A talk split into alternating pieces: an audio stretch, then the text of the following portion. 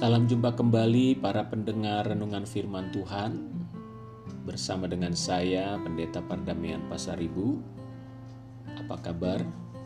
Semoga para sahabat semua dalam keadaan baik dan sehat. Saat ini saya ingin berbagi kembali firman Tuhan yang terambil dari Matius pasal 13 ayat 44. Hal kerajaan sorga itu sumpama harta yang terpendam di ladang yang ditemukan orang lalu dipendamkannya lagi. Oleh sebab sukacitanya, pergilah ia menjual seluruh miliknya lalu membeli ladang itu.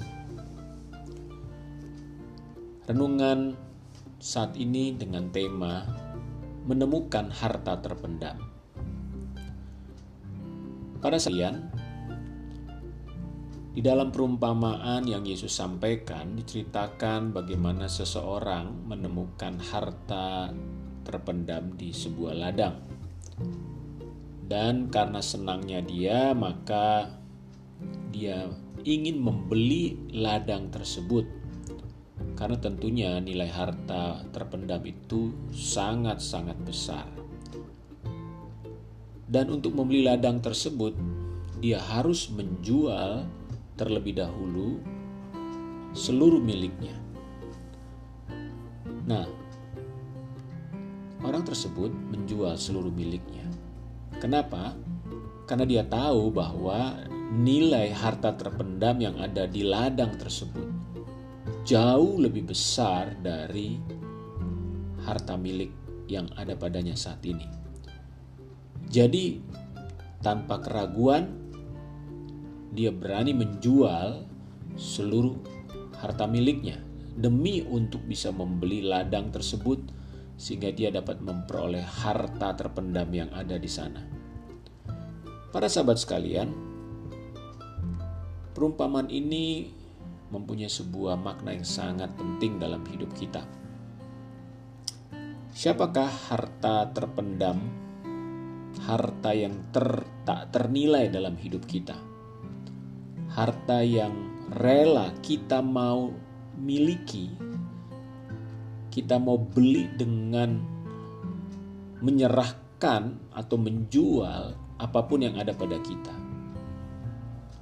Karena untuk memperoleh harta yang terpendam tersebut, berarti kita harus berani melepaskan apa pun yang paling berharga dalam hidup kita untuk mendapatkannya. Para sahabat, Yesus adalah harta tersembunyi yang disediakan Tuhan bagi kita, yang disediakan Bapa bagi kita.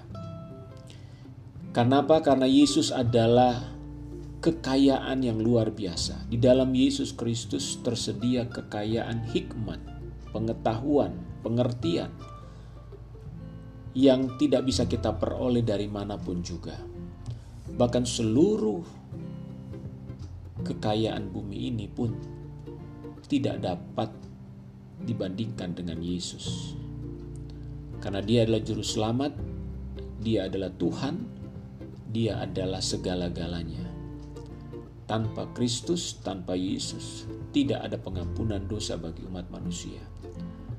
Dan tahukah saudara, Yesus adalah harta yang tersembunyi karena di dalam Yesus terdapat segala apa pun yang manusia butuhkan dalam hidup mereka. Berarti dengan memiliki Yesus, maka kita sebetulnya memiliki kekayaan yang sangat luar biasa. Kekayaan yang terbesar yang dan tak ternilai yang dapat kita miliki dalam hidup ini. Namun untuk memiliki Yesus, mendapatkan Yesus, menjadi pengikut Yesus, setiap orang harus rela melepaskan segala sesuatu yang ada pada mereka. Yesus berkata, "Barang siapa mau mengikut Aku, ia harus memikul salibnya." Artinya, orang tersebut harus rela bersedia untuk menderita bagi Kristus, bersedia melepaskan apa pun yang ada padanya, bahkan memikul penderitaan, bahkan menyerahkan nyawanya demi Kristus. Kenapa? Karena Kristus tidak dapat dibandingkan dengan penderitaan kita. Paulus berkata, "Siapa yang dapat memisahkan kita dari Kristus?" Tidak ada. Penderitaan, kelaparan, pedang, tidak ada yang dapat memisahkan kita dari Kristus. Karena Kristus begitu berharga. Yesus begitu mulia bagi hidup manusia, bagi orang-orang yang percaya kepadanya. Oleh karena itu para sahabat, pastikan hari ini engkau memiliki dan menemukan harta terpendam yang terbesar di dunia ini, yaitu Yesus Kristus dalam hidupmu. Dan jika engkau sudah menemukan Dia, maka engkau harus rela melepaskan apa pun yang ada padamu demi Yesus Kristus. Engkau harus rela melepaskan kesenanganmu, hobimu mungkin, bahkan dosa-dosamu. Engkau harus rela melepaskannya agar engkau dapatkan Yesus dalam hidupmu. Tahukah saudara bahwa ketika engkau mendapatkan Yesus dalam hidupmu, engkau tidak akan pernah menyesal. Sebaliknya engkau merasa sangat beruntung mengenal Kristus, mendapatkan Yesus dalam hidupmu. Paulus pernah berkata bahwa pengenalanku akan Kristus membuat apa pun yang ada padaku kuanggap sampah. Bayangkan, Paulus seorang sarjana, seorang terkenal, seorang yang dihormati. Namun bagi dia, ketika dia mengenal Kristus, maka apa pun yang ada pada dirinya, itu dianggapnya sampah. Kenapa? Karena pengenalan dia akan Kristus membuat dia merasa bahwa, wow, Kristus itu adalah segala-galanya. Di sanalah, di dalam Yesuslah kita mendapatkan sukacita, mendapatkan pengampunan, mendapatkan hikmat, mendapatkan kekuatan, mendapatkan hidup kekal.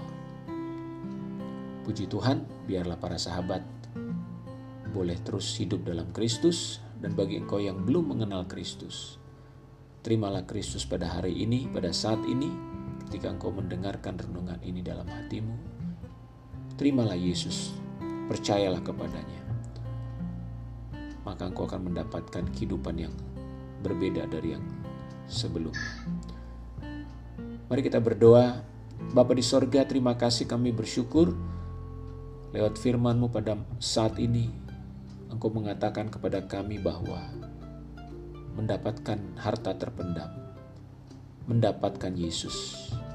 Yesus adalah harta terpendam, harta yang tersembunyi bagi kami namun, oleh karena kemurahan hatimu ya Tuhan, harta itu sudah tidak lagi tersembunyi.